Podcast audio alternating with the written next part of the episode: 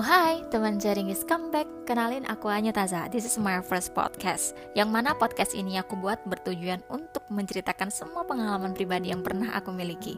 Nah, mungkin nanti kita akan sering sering-sering cerita-cerita, sharing-sharing hal-hal receh dari yang mulai lucu sampai tragis, sampai sedih, sampai menyenangkan semuanya bakal aku share di sini.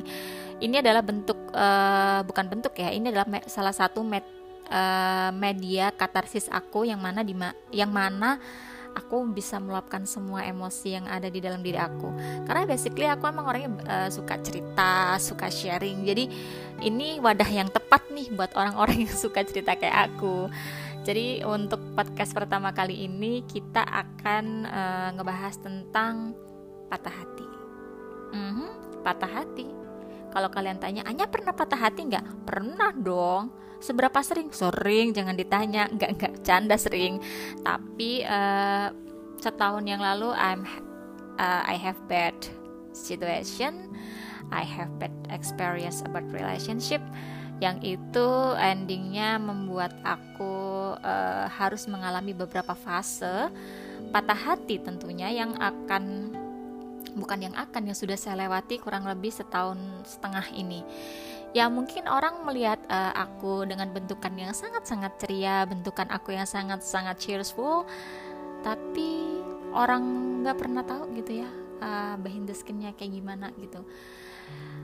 Bukannya nggak mau sharing tentang hal-hal yang menyedihkan cuman uh, Anya tuh pengen dikenal orang dengan pribadi yang ceria, yang cheerful, yang penuh dengan semangat, yang ramah, yang yang baik gitu. Jadi uh, ketika aku punya pengalaman yang kurang menyenangkan, aku tuh kayak nggak mau gitu ngelibatin orang-orang sekitarku, apalagi lagi apalagi orang-orang tersayang aku untuk ikutan jadi beban pikiran juga gitu. Jadi uh, mungkin lebih baik aku cerita di sini aja ya. Ceritanya singkat aja, intinya aku gagal menikah gitu. Uh, gagal menikah berat ya. Hmm, saat itu berat. Kalau ditanya sekarang enggak. Karena aku sudah melewati beberapa tahap dan uh, pada akhirnya aku berada di fase forgiveness. Literally aku benar-benar forgiveness. Kalau kata anak zaman sekarang aku udah selesai dengan diriku sendiri. Ecie, aku selesai dengan diriku sendiri. Apa sih tentang aku selesai dengan diriku sendiri? Nah, sebelum kita berlari ke sana, aku mau jelasin dulu nih fase-fase patah hati yang pasti akan dilalui semua orang gitu jadi kalian nggak usah nge-push diri kalian untuk cepet-cepet move on. Kalian kasih timing kalian harus cepet-cepet move on. No. Itu bukan batasan kalian selesai dengan diri kalian sendiri. Justru dengan kalian memaksakan keadaan untuk cepat move on uh, kalian malah terpressure dengan kata-kata cepat move on cepat dapat ganti cepat cari yang lain. No. Itu akan melukai orang lain dan diri kamu sendiri tentunya. Intinya uh, ada beberapa fase yang aku alamin. Pertama yang pertama nih kalian catat ya. Wih denger ini kayak kuliah pakai nyatet-nyatet segala. Enggak canda nyatet. Uh, Aku shock. Literally aku shock. Kenapa aku bisa shock? Karena uh, Having relationship Hampir tiga tahun itu Buat aku hal yang sangat-sangat wasting time. Banyak hal yang aku korbankan Banyak hal yang aku aku lewatin up and downnya ngebangun relationship yang sebegitunya sudah dengan ending untuk uh, keputusan di awal adalah untuk menikah gitu kan ya. Emang di awal uh, aku cari pasangan nih bukan untuk cuman pacaran aja gitu. Apa sih gunanya pacaran gitu kan? Di awal endingnya untuk uh, ya udah kita sama-sama ikhtiar nih buat nikah gitu kan. Ya tapi ketika takdir berkata lain hmm, kita ternyata nggak direstuin sama semesta. Anjay bahasa gue ngeri banget semesta di bawah ya Allah berkendak lain kita harus bisa mendekati uh, kalau kata orang-orang tuh engagement alias tukar cincin yang berkomitmen untuk menentukan tanggal pernikahan. Ha, kita harus kandas karena satu dan lain hal. Aku mau cerita detailnya kenapa intinya uh, diselingkuin udah gitu aja shock. Oh shock. Jelas dong karena tahapan tahapan-tahapan yang udah kita lewatin tuh banyak gitu. Uh, in, literally aku sem aku sempat putus kemudian balik lagi dan kita memutuskan untuk ke jenjang yang lebih serius. Itu kita ngebuild kepercayaan satu sama lain itu susah payah gitu setengah mati gitu. Mungkin dari hubungan yang kemarin kita banyak toksik toksiknya gitu. Satu sama lain sama-sama toksik jadi uh, ada ada kekecewaan yang mendalam karena begini uh, kita sudah melibatkan dua kedua belah kedua belah pihak keluarga gitu. Shocknya karena cuman diputusin lewat chat tanpa ada pamitan khusus yang mana padahal kita kenal baik gitu ya. Keluarga juga sama-sama saling kenal tapi yang bikin shock itu karena tiba-tiba sangat mendadak nggak ada angin nggak ada hujan diputus dengan alasan ingin memperbaiki ibadah. Aduh nyesek banget ya kalau inget kalimat itu. Nggak bercanda nggak nyesek udahan ya. Uh, reaksi ini sangat-sangat logis ketika kita berada di posisi pasca broken heart. Jadi di mana ada gejolak emosi, gejolak apa pun semuanya itu emosi, marah, kecewa, sedih itu jadi satu. Shock pasti gitu kan. Kayak masih, "Hah? Iya ya kejadiannya kok bisa sih nih Pak aku? Kok bisa ya? Kok bisa ya? Kok bisa? Kok bisa? Kok bisa? Kok bisa? Kok bisa? Kok bisa?" Dan akhirnya uh, membuat kita self blaming gitu ya, menyalahkan diri sendiri menyalahkan keadaan, menyalahkan orangnya, menyalahkan semua semuanya disalahin gitu kan ya. Yang kedua, uh, kalau ditanya fase shock ya waktu awal-awal tuh masih shock ya. Mungkin 1 sampai dua bulan itu aku masih shock. Itu kejadiannya awal tahun 2020. Uh, eh, Januari ya berarti ya. Sampai sebulan dua bulanan itu aku masih shock masih uh, masih belum bisa percaya gitu ya. Kayak ya aku biasanya dengar cerita orang aja gitu tapi ternyata aku ngalamin sendiri gitu. Diselingkuin menjelang kita benar-benar mau ke jenjang serius. That's damn kemudian yang kedua denial ya pastilah denial orang kita tiga tahun keluarga satu sama lain saling kenal denial ya jelas dong denial karena um, denialnya itu kepada enggak terima gitu kenapa sih aku harus nimpa hal buruk seperti ini Kenapa sih kisah cintaku sangat tragis? Apa sih kurangku? Apa sih salahku? Aku kurang ini ya, aku kurang itu. Self self blaming terus kita terus-terusan nyalahin diri sendiri.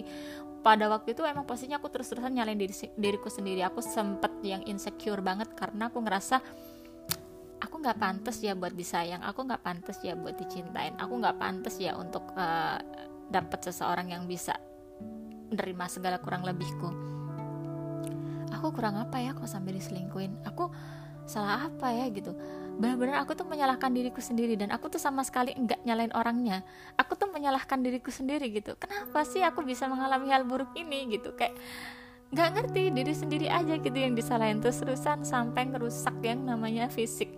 Sampai sakit sampai sering banget keluar masuk IGD karena asam lambungnya naik nggak doyan makan berat badan sampai turun drastis. Dan karena posisi waktu itu aku nggak ngasih tahu orang tua aku ya aku diputus karena diselingkuhin orang tua aku nggak tahu sampai bulan Februari. Pada akhirnya orang tua aku tahu itu malah justru dari orang lain bukan dari aku ya bukan aku pribadi gitu.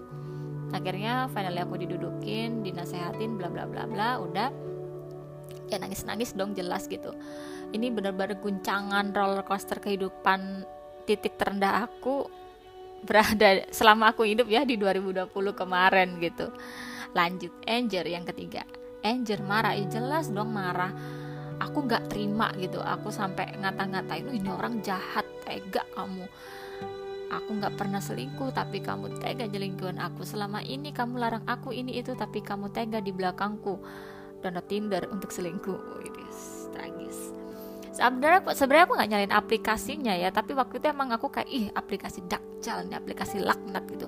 Sampai ngomong-ngomong ngumpat-ngumpat kotok kata-kata kasar lah sama aplikasi itu. Padahal sebenarnya bukan aplikasinya yang salah. Yang salah di sini adalah ke komitmennya seseorang itu kepada pasangannya dengan sadar dan sangat-sangat sadar itu aplikasi Tinder adalah aplikasi dating. Yang mana aplikasi itu digunakan untuk dating ya untuk mencari jodoh ngedate. Ya aku cuma berpikiran ah kamu masih nyari-nyari lagi? Kamu udah punya aku. Ah terus aku siapa? Kita nggak jodoh ya sampai kamu nyari-nyari jodoh. Sampai segitunya. Jadi kayak uh, marahnya itu oh marah ke aplikasinya marah ke keadaannya marah ke orangnya marah ke perempuannya ya karena wajar sih perempuan gitu kan uh, mengetahui diselingkuhin nggak lama dari putus mereka udah langsung show uh, apa gue apa gue publik nge publish gitu kan wah shocknya luar biasa marahnya luar biasa denialnya juga luar biasa gitu. Dan aku akuin aku berada di fase itu sampai bulan keempat. Sampai bulan keempat uh, bulan April itu aku masih uh, kayak nggak settle gitu loh masih sering ma marah kayak gitu-gitu. Terus uh, menginjak bulan April itu aku bargaining gitu. Uh, bargaining itu itu ini yang keempat ya bargaining adalah tawar menawar di sini aku mempertimbangkan antara perasaan kecewa tapi uh, aku juga mulai mulai ngelis uh, positif negatifnya gitu. Aku udah mulai bisa berpikir kalau misalnya aku masih lanjut sama dia mungkin hal buruk akan terjadi sama aku mungkin aku menikah mungkin usianya nggak akan lama gitu. Ketika aku sama dia mungkin sampai kapan pun toxic relationship ini nggak akan ada endingnya gitu. Terus aku masih bisa berpikir oh ya udah. Artinya Allah pisahin aku dari orang yang salah. Oh ya udah. Artinya kita nggak uh, bisa maksain sesuatu hal yang memang pada intinya kita udah nggak satu visi misi. Itu aku masih bisa tawar menawar dengan diriku sendiri mempertimbangkan cost benefit WD cost benefit uh, benefit mudorotnya gitu lah. Intinya gitu kalau aku lanjut begini kalau aku nggak lanjut begono gitu. Jadi aku bisa masih sedikit open minded waktu di bulan-bulan keempat itu. Karena kebetulan bulan keempat itu aku juga lagi deket gitu sama seseorang jadi mulai agak open minded lah. Ya meskipun masih ada perasaan-perasaan trauma skeptis dan lain-lain dan belum benar sepenuh sepenuhnya sadar gitu. Acceptance. Acceptance ini aku mulai di bulan Mei 2020 aku udah mulai yang kelima ya ini acceptance. Itu aku udah mulai uh, acceptance segala semua kondisi menerima semua kenyataan pahit yang nerima aku, yang nimpa aku di tahun 2020 aku bisa acceptance patah hatiku tuh ketika di bulan ketujuh aku kena covid yang harus isolasi mandiri kurang lebih satu bulan. Wah itu luar biasa sih damage-nya. Ambiarnya tuh kerasa banget dan literally aku tuh kayak ngerasa gila ya pengalaman patah hati di awal tahun tuh nggak ada apa-apanya sama patah hatiku kena covid gitu. Karena ya waktu itu kan lagi hype hype nya itu virus kan gak ada obatnya. Takut mati aja gitu-gitu takut mati aja tiba-tiba kan ya karena belum ada obatnya dosa masih banyak. Udah kepikiran itu itu aja gitu. Jadi kayak bersyukur banget aku bisa acceptance di bulan ketujuh itu udah kayak ke skip hilang pelan-pelan gitu loh. Kayak ya udah ya udah uh, aku udah bisa settle gitu kan. Yang terakhir adalah forgiveness. Aku bener-bener ada di tahap forgiveness itu ada di tahun 2021 awal tahun. Nggak tahu kesetanan apa atau gimana Padahal sebelum-sebelumnya aku memandang masalahku, memandang roller coaster 2020 itu adalah sebuah kejadian di mana aku tuh nggak bisa ngambil positifnya gitu. Ya pasti nggak ada hal positif yang bisa aku ambil dari kisah kemarin. Gila, tiga tahun buang-buang waktu, kampret lu. gila lah inilah gila lah itulah. Kayak nggak bisa ngambil positif nggak ada nih positif positifnya padahal semua orang bilang kan apa pun kejadian buruk yang menimpa kamu itulah uh, itu pasti ada sisi positifnya ada hikmahnya. Aku tuh nggak bisa loh kayak berpositif thinking apa sih hikmah yang bisa aku ambil apa sih? Uh, kelebihan dari cerita kemarin gitu aku nggak ngerasa ada positif positifnya gitu. Tapi ketika di awal tahun 2021 aku benar-benar kayak udah di tahap forgiveness. Aku udah bisa melupakan orangnya udah bisa melupakan kisahnya udah bisa melupakan kejadian yang menimpa aku sudah bisa melupakan emosi-emosi negatifnya. Kalau kata orang ya sudah selesai dengan dirinya sendiri. Terus uh, standar mutu eh standar mutu standar mutu orang selesai dengan diri sendiri diri sendiri itu apa sih gitu ketika dia sudah tidak ada yang namanya marah, tidak ada yang uh, emosi negatif intinya ketika mengingat kejadian itu, mengingat orangnya, mengingat mengingat kesalahan kesalahan-kesalahan yang pernah kita buat atau yang dia buat, kita udah biasa aja gitu. Kalau kata orang-orang sih ketika kamu sudah mulai biasa saja saat mendengar namanya WD ya literally kayak udah biasa aja gitu. Orangnya aja udah nggak inget kisahnya udah nggak inget kejadian buruk-buruk itu udah nggak inget juga. Intinya aku udah bisa se open minded itu di dalam hitungan satu tahun. Ya memang setiap orang ketika mengalami fase-fase pasca patah hati ini nggak mudah gitu. Ada yang membutuhkan waktu sampai bertahun-tahun baru dia bisa memulai untuk menyelesaikan dirinya sendiri gitu karena prinsipnya gini, jangan pernah memulai hubungan dengan orang baru ketika kamu belum selesai dengan dirimu sendiri. Akan banyak hal-hal yang kamu bawa dari kisah-kisah kamu sebelumnya. Akan ada kamu bawa emosi-emosi kamu pada sisa-sisa kisah yang sebelumnya. Selesaikan dirimu sendiri. Bahagiakan. Cari self uh, cari titik cari titik-titik di mana kamu bisa settle dengan keadaan up and down kamu kamu bisa menerima dan bisa memaafkan semua yang terjadi sama kamu baik itu hal buruk ataupun hal baik.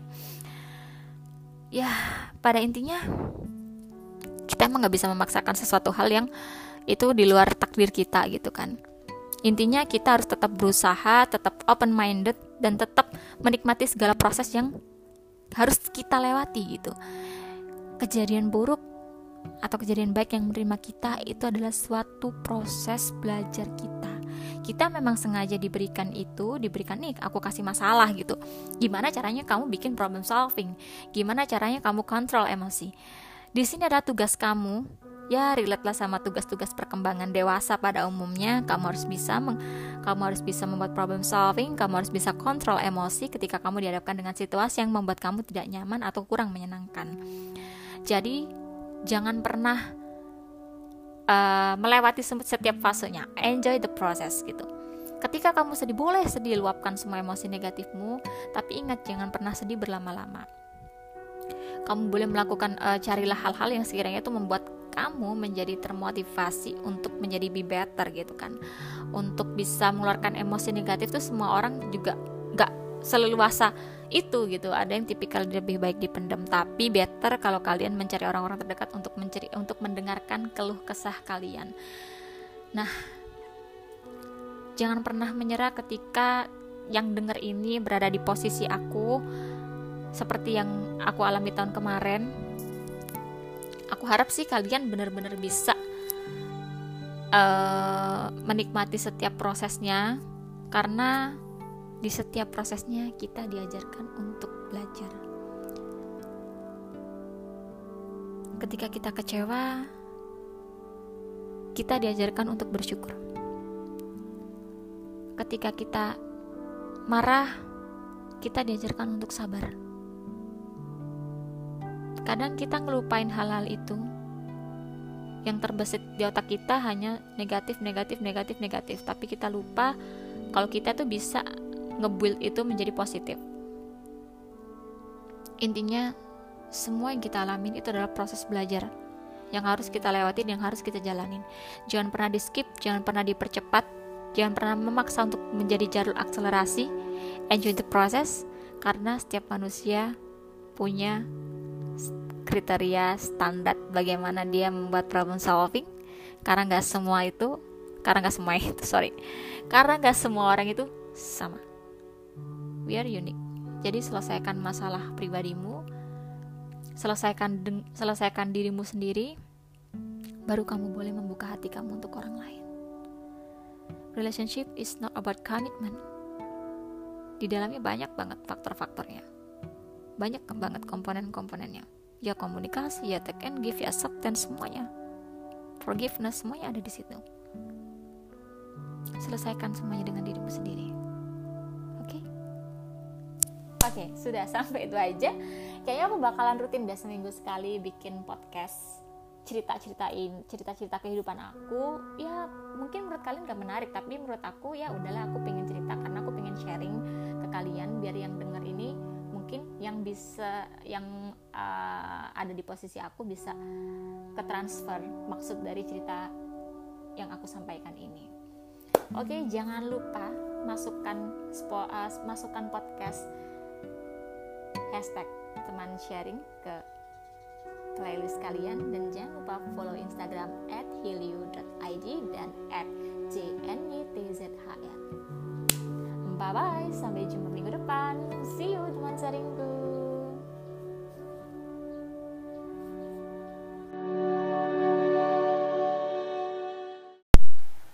Hello teman sharing is come back. kayak aku ingkar janji banget ya dulu aku pernah bilang bakal rutin bikin podcast ini ya minimal seminggu sekali gitu. Ternyata ini udah jeda berapa bulan sih dari podcast pertama aku? Kayaknya lama banget deh. Oke aku mau minta maaf banget karena emang banyak kesibukan yang mengharuskan aku um, menyita banyak waktu untuk belajar belajar belajar belajar gitu kan. Jadi aku kurang bisa meluangkan waktu untuk hal-hal yang lain. Ya contohnya buat podcast kayak gini juga kayak gak ada waktu I'm so sorry. Kayak mungkin kalian dengar agak ada suara gangguan rintik-rintik hujan karena hari ini lagi hujan sedang turun. Situasi yang mendung seperti suasana hati aku. Do oke okay, podcast ini ada itu karena aku pengen sharing cerita gitu kan ya.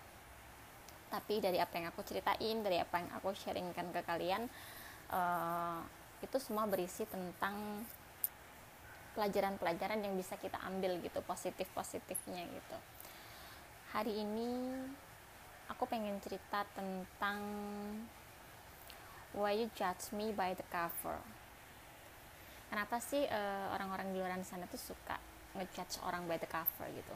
Ya emang first impression orang itu nggak bisa dipungkiri ya ketika kita uh, pertama kali ketemu orang ketika kita pertama kali kenal sama orang first impression tuh pasti nomor satu gitu jadi pembawaan kita, look kita itu mempengaruhi orang untuk memberikan penilaian kepada kita, baik itu penilaian negatif atau penilaian positif. And I'm also pengen cerita pengalaman pribadi aku yang aku nggak ngerti ya ini dasarnya dari mana mereka bisa menyimpulkan seperti itu. Jadi aku tuh sering di labeling uh, high class, Aha, terutama sama kaum Adam. Aku nggak ngerti kenapa mereka melabeli aku high class gitu. Uh, mungkin yang mereka lihat aku yang sekarang mereka nggak tahu nih background background bah background background di belakangnya aku tuh seperti apa rintangan yang aku laluin seperti apa gitu. Karena yang mereka tahu ya hanya yang sekarang gitu. Oke okay, kita bahas dari first impression dulu aku kayak menarik dari benang merah gitu. Oh mungkin orang nilai aku karena dari cara berpenampilan aku gitu ya. Uh, oke okay, untuk penampilan kita bahas dulu deh. Uh, menurut aku cara berpenampilan adalah salah satu bentuk diri kita menghargai diri kita sendiri gitu. Dan di sisi lain aku juga emang orangnya uh, ini ya suka mix and match baju apa pun yang aku pakai itu aku suka mix and match gitu. Literally yang kalian harus tahu semua barang yang aku pakai tuh nggak ada barang yang branded. Jujur itu semua barang-barang beli aku di shopee beli di all shop. Bahkan aku dulu tuh uh, ada ini ada kebiasaan suka beli barang uh, ini. Apa ini? Apa sih? Thrift shop di thrift shop gitu waktu kuliah tuh sering kayak gitu. Aku suka koleksi uh, sweater dan di barang-barang di thrift shop sweaternya tuh kayak kualitasnya bagus-bagus gitu. Ya pertama kali aku jatuh cinta sama thrift shop tuh ya waktu aku kuliah itu orang yang tak yang nggak tahu pasti mikir kayak ini anak kayak banget gitu penampilannya dari atas sampai bawah harus matching harus rapi gitu. Uh, aku kayak udah terbiasa kayak gitu ya mungkin sejak SMA gitu. Sejak SMA nggak terlalu sih mulai banget banget itu kuliah karena mungkin ini ya uh, profesi yang menuntut gitu. Aku sebagai praktisi psikologi harus berhadapan sama orang dan menuntut harus bisa berpenampilan dengan baik gitu ya. Karena klien kita ini orang nih bukan kita bukan berdiri di belakang layar tapi kita langsung face to face sama klien yang literally itu orang dan emang bener-bener kayak apa sih uh, kalau kita face to face itu apa yang kita perhatiin ya penampilan dong? Orang yang dilihat kan physically gitu kan ya. Mungkin terbiasa dari situ. Jadi aku suka mix and match baju. Terus aku kayak menyimpulkan menarik kesimpulan oh mungkin orang nilai aku ikhlas dari cara aku berpenampilan gitu. Mungkin pertama gitu. Yang kedua uh, postingan di sosial media gitu. Ya kita namanya bersosial media kan pasti menampilkan yang terbagus gitu kan ya. Uh, mungkin dari segi fit di Instagram aku nata banget orangnya rapi gitu. Maksudnya kayak uh, nata fitnya itu udahlah lihat cek sendiri aja lah serap apa serapi apa gitu aku nata fit Instagram. Karena uh, aku itu tipikal orang yang suka mengabadikan setiap momen gitu. Jadi momen apa pun itu pasti aku aku abadikan gitu. mungkin orang kesannya ini anak suka pamer ini itu padahal oke okay. gimana ya jelasnya kayak um, yang kalian lihat itu yang tampil aja kalian nggak tahu gejolak di belakangnya itu seperti apa gitu. sedih banget kayak misalnya e, dibilang high class dibilang e, dibilang banyak gaya lah inilah itu e, terus sombong lah inilah itu. Tapi kan itu penilaian orang yang belum kenal secara personal sama aku gitu. Cuman di sisi lain itu ada sisi positifnya gitu loh. Ketika orang bisa menilai kita sosok yang high class sosok yang mahal entah itu dari pembawaan kita entah itu dari cara berpenampilan kita entah itu dari manner atau dari attitude berarti secara tidak langsung kita itu bisa nge-branding diri kita itu untuk dinilai mahal sama orang. Paham gak sih? Ya kan? Jadi orang itu kayak menilai bisa memberikan penilaian dengan kita karena pembawaan kita nih gitu. Karena eh, mungkin dari personalitinya kita itu yang jadi eye catchingnya orang gitu. Jadi orang tuh kayak ngelihatnya tuh kayak wah banget gitu. Ada kan ketika kita ngeliat seseorang dia orangnya biasa aja. Tapi kita um, nge-catch apa ya eye catching itu bukan ke penampilan tapi lebih ke auranya yang kayak ih mahal nih ih rich nih orang gitu kan. Richnya itu dalam artian yang lebih ke personalitinya lebih ke attitude-nya mannernya gitu. Jadi lebih ke kayak hmm, yang tak kasat matanya itu yang lebih nge-catch gitu.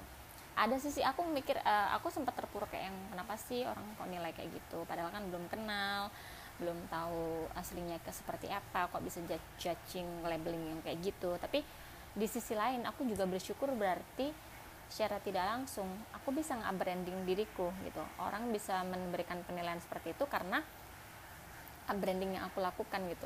Secara tidak langsung gitu. Mungkin uh, mungkin yang ngeliat kan kayak wow atau gimana gitu. Tapi orang yang kenal tuh ya biasa aja gitu. Kayak ya emang orangnya kayak gitu nggak ada yang gimana gimana jadi uh, apa sih yang perlu uh, apa sih yang dipermasalahkan gitu loh. Jadi uh, senang-senang aja dan sedih ya pastilah semua yang kita alami pasti ada sisi positif dan negatifnya ada sisi senang dan tidak menyenangkan. Ya aku ngerasanya di sisi menyenangkannya itu gitu. Jadi perlu sekali sebagai manusia kita itu mem upbranding diri kita. Bukan berarti kita harus tampil terbaik sesuai dengan tuntutan lingkungan no. Tapi kita e, sebisa mungkin orang itu bisa memberikan penilaian secara tidak langsung tanpa kita harus menceritakan siapa kita. Paham nggak tanpa kita harus menceritakan oh oh Anya tuh orangnya yang galak oh Anya orangnya cerewet oh Anya orangnya yang tegas oh Anya tuh orangnya yang pelin pelan oh Anya tuh orangnya yang e, lupaan. Tanpa kita harus menceritakan itu orang tuh bisa bisa menilai itu gitu. Oh secara tidak langsung ya. Jadi uh, baik itu penilaian buruk penilaian negatif kita nggak boleh terlalu uh, memikirkan penilaian orang dan kita juga nggak harus menu apa ya harus hidup dengan sesuai tuntutan lingkungan nggak harus gitu. Kita hidup untuk diri kita sendiri gitu. Uh, kenapa sih kita harus memenuhi tuntutan lingkungan? Kan nggak juga gitu. Bersikaplah beretitude lah sesuai dengan adab dan norma yang berlaku gitu. Kalau pengen dapat uh, pengen dapat penilaian yang sangat-sangat rich dari mata ya setiap mata yang memandang gitu kan. Kadang kita juga ngeliat orangnya itu yang ada kan orang yang mewah barang-barangnya dipakai branded semua apa pun itu. Tapi kita ngecatchnya dia ini kayak ini ini orang nggak bener deh gitu. Ada kan yang kayak gitu karena auranya tuh loh aura-auranya yang tak kasat mata itu yang ngebuat jadi catchnya orang gitu. Eye catchingnya tuh bukan ke physically tapi lebih ke sesuatu yang tidak nampak gitu. jadi quotes hari ini atau notes hari ini yang perlu digaris bawahi adalah berpenampilanlah sebagaimana kamu ingin uh, mendapatkan penilaian. Bukan harus berpura-pura tetap jadi dirimu sendiri tapi tetap uh, harus berada di bawah garis norma dan adab yang berlaku. Kita harus menampilkan yang terbaik best version of yours gitu. Tapi dengan tidak mengindahkan kenyamanan diri kita sendiri gitu. Tetap jadi diri sendiri dan tetap beretitude dan bermanner yang sesuai dengan di mana tempat kalian berada itu sih. Jadi di mana kalian berpijak ya di situ kalian bisa bersikap dan menentukan diri. So jadi jangan pernah khawatir sama penilaian orang kalian mau dinilai rich atau ya, kalian mau dinilai apa namanya mewah atau murah atau apa atau itu itu semua tergantung dari kita sendiri. Pembawaan tuh paling faktor paling penting sih. Jadi so buat kalian tetap jadi diri kalian sendiri dan selalu berusaha untuk jadi best version of me. Anggap aja lah seolah-olah hari ini kita itu hari terakhir hidup jadi kita tuh akan menampilkan yang terbaik gitu. Udah itu aja. Bye. Kayaknya udah deh ceritanya itu aja. Kita ketemu di next time. Aku mau janji nih takut ntar dosa. Kita ketemu di next time. Kita bakal sesuatu hal yang bahas sesuatu hal yang menarik. Mungkin kalian bisa uh, datang ke Instagram aku kalian bisa DM kalau pengen sharing atau pengen di share eh bahas cerita ini dong. Ah, mungkin ada pengalaman ini yang relate yang bisa diambil apa ini namanya yang bisa diambil hikmahnya atau yang bisa di sharingkan langsung aja. Nanti ada di description box. Ya Cila emang ini YouTube description description box. Langsung aja deh. Di @jnytzhr gak ada kesalahan ulang. Ntar di replay aja. Bye bye see ya dadah teman sharing. Hello teman sharing is come back. Kayak aku yang janji banget ya. Dulu aku pernah bilang bakal rutin bikin podcast ini. Ya minimal seminggu sekali gitu. Ternyata ini udah jeda berapa bulan sih dari podcast pertama aku? Kayaknya lama banget deh. Oke aku mau minta maaf banget karena emang banyak kesibukan yang mengharuskan aku um, menyita banyak waktu untuk belajar belajar belajar belajar gitu kan. Jadi aku kurang bisa meluangkan waktu untuk hal-hal yang lain. Ya contohnya buat podcast kayak gini juga kayak gak ada waktu. I'm so sorry. Kayak mungkin kalian dengar agak ada suara gangguan rintik-rintik hujan karena hari ini lagi hujan sedang turun. Situasi yang mendung seperti suasana hati aku. No. Oke okay, podcast ini ada itu karena aku pengen sharing cerita gitu kan ya tapi dari apa yang aku ceritain dari apa yang aku sharingkan ke kalian uh, itu semua berisi tentang pelajaran-pelajaran yang bisa kita ambil gitu positif positifnya gitu. Hari ini aku pengen cerita tentang why you judge me by the cover. Kenapa sih uh, orang-orang di luar sana tuh suka ngejudge orang by the cover gitu? Ya emang first impression orang itu nggak bisa dipungkiri ya ketika kita uh, pertama kali ketemu orang ketika kita pertama kali kenal sama orang first impression tuh pasti nomor satu gitu jadi pembawaan kita, look kita itu mempengaruhi orang untuk memberikan penilaian kepada kita, baik itu penilaian negatif atau penilaian positif. And I'm also pengen cerita pengalaman pribadi aku yang aku nggak ngerti ya ini dasarnya dari mana mereka bisa menyimpulkan seperti itu. Jadi aku tuh sering di labeling uh, high class, aha, terutama sama kaum Adam. Aku nggak ngerti kenapa mereka melabeli aku high class gitu. Uh, mungkin yang mereka lihat aku yang sekarang mereka nggak tahu nih background background bah background background di belakangnya aku tuh seperti apa rintangan yang aku laluin seperti apa gitu. Karena yang mereka tahu ya hanya yang sekarang gitu okay, kita bahas dari first impression dulu. Aku kayak menarik dari benang merah gitu. Oh mungkin orang nilai aku karena dari cara berpenampilan aku gitu ya. Uh, oke okay, untuk penampilan kita bahas dulu deh. Uh, menurut aku cara berpenampilan adalah salah satu bentuk diri kita menghargai diri kita sendiri gitu. Dan di sisi lain aku juga emang orangnya uh, ini ya suka mix and match baju apa pun yang aku pakai itu aku suka mix and match gitu literally yang kalian harus tahu semua barang yang aku pakai tuh nggak ada barang yang branded. Jujur itu semua barang-barang beli aku di shopee beli di all shop. Bahkan aku dulu tuh uh, ada ini ada kebiasaan suka beli barang uh, ini. Apa ini? Apa sih? Thrift shop di thrift shop gitu waktu kuliah tuh sering kayak gitu. Aku suka koleksi uh, sweater dan di barang-barang di thrift shop sweaternya tuh kayak kualitasnya bagus-bagus gitu ya pertama kali aku jatuh cinta sama shop tuh ya waktu aku kuliah itu. Orang yang tak yang nggak tahu pasti mikir kayak ini anak kayak banget gitu. Penampilannya dari atas sampai bawah harus matching harus rapi gitu. Uh, aku kayak udah terbiasa kayak gitu ya mungkin sejak SMA gitu. Sejak SMA nggak terlalu sih mulai banget banget itu kuliah karena mungkin ini ya uh, profesi yang menuntut gitu. Aku sebagai praktisi psikologi harus berhadapan sama orang dan menuntut aku untuk harus bisa berpenampilan dengan baik gitu ya. Karena klien kita ini orang nih bukan kita bukan berdiri di belakang layar tapi kita langsung face to face sama klien yang literally itu orang dan emang bener-bener kayak apa sih e, kalau kita face to face itu apa yang kita perhatiin ya penampilan dong. Orang dilihat kan physically gitu kan ya mungkin terbiasa dari situ. Jadi aku suka mix and match baju. Terus aku kayak menyimpulkan menarik kesimpulan oh mungkin orang nilai aku ikhlas dari cara aku berpenampilan gitu. Mungkin. Pertama gitu. Yang kedua uh, postingan di sosial media gitu. Ya kita namanya bersosial media kan pasti menampilkan yang terbagus gitu kan ya.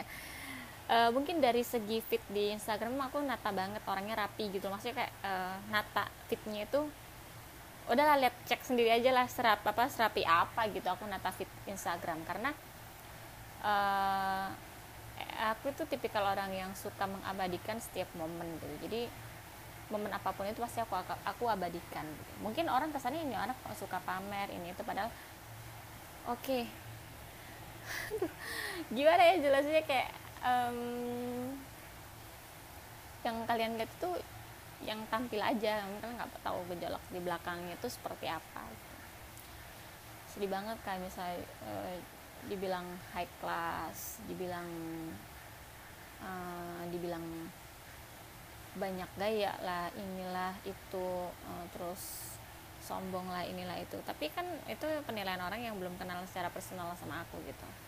Cuman di sisi lain itu ada sisi positifnya gitu loh ketika orang bisa menilai kita sosok yang high class, sosok yang mahal, entah itu dari pembawaan kita, entah itu dari cara berpenampilan kita, entah itu dari manner atau dari attitude, berarti secara tidak langsung kita itu bisa nge-branding diri kita itu untuk dinilai mahal sama orang, paham gak sih?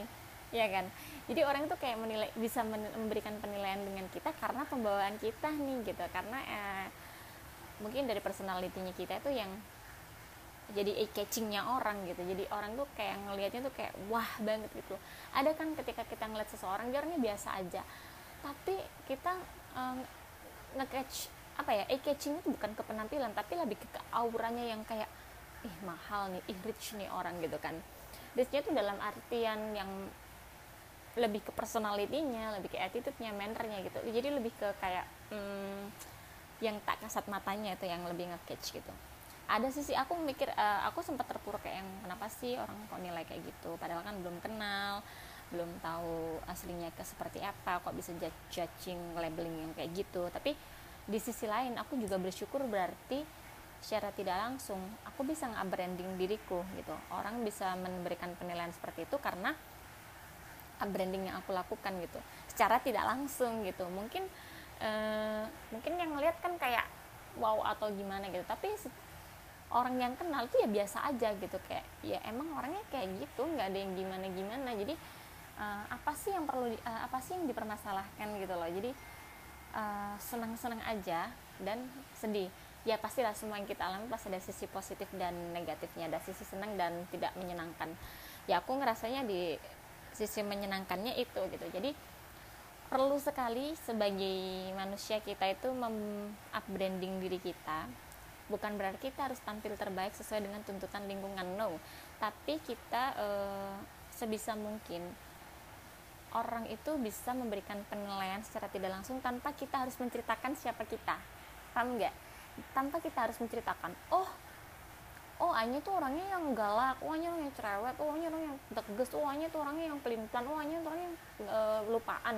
Tanpa kita harus menceritakan itu orang tuh bisa bisa menilai itu gitu. Oh, secara tidak langsung ya. Jadi uh, baik itu penilaian buruk penilaian negatif kita nggak boleh terlalu uh, memikirkan penilaian orang dan kita juga nggak harus menu apa ya harus hidup dengan sesuai tuntutan lingkungan nggak harus gitu.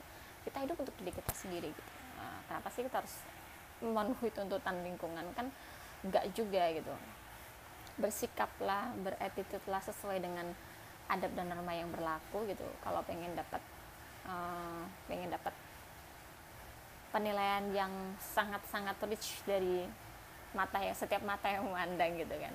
Kadang kita juga ngeliat orangnya itu yang ada kan orang yang tampilnya mewah barang-barang yang dipakai branded semua apa pun itu. Tapi kita ngecatchnya dia ini kayak ini ini orang nggak bener deh gitu ada kan yang kayak gitu karena auranya tuh loh aura-auranya yang tak kasat mata itu yang ngebuat jadi catchnya orang gitu eye catchingnya tuh bukan ke physically tapi lebih ke sesuatu yang tidak nampak gitu.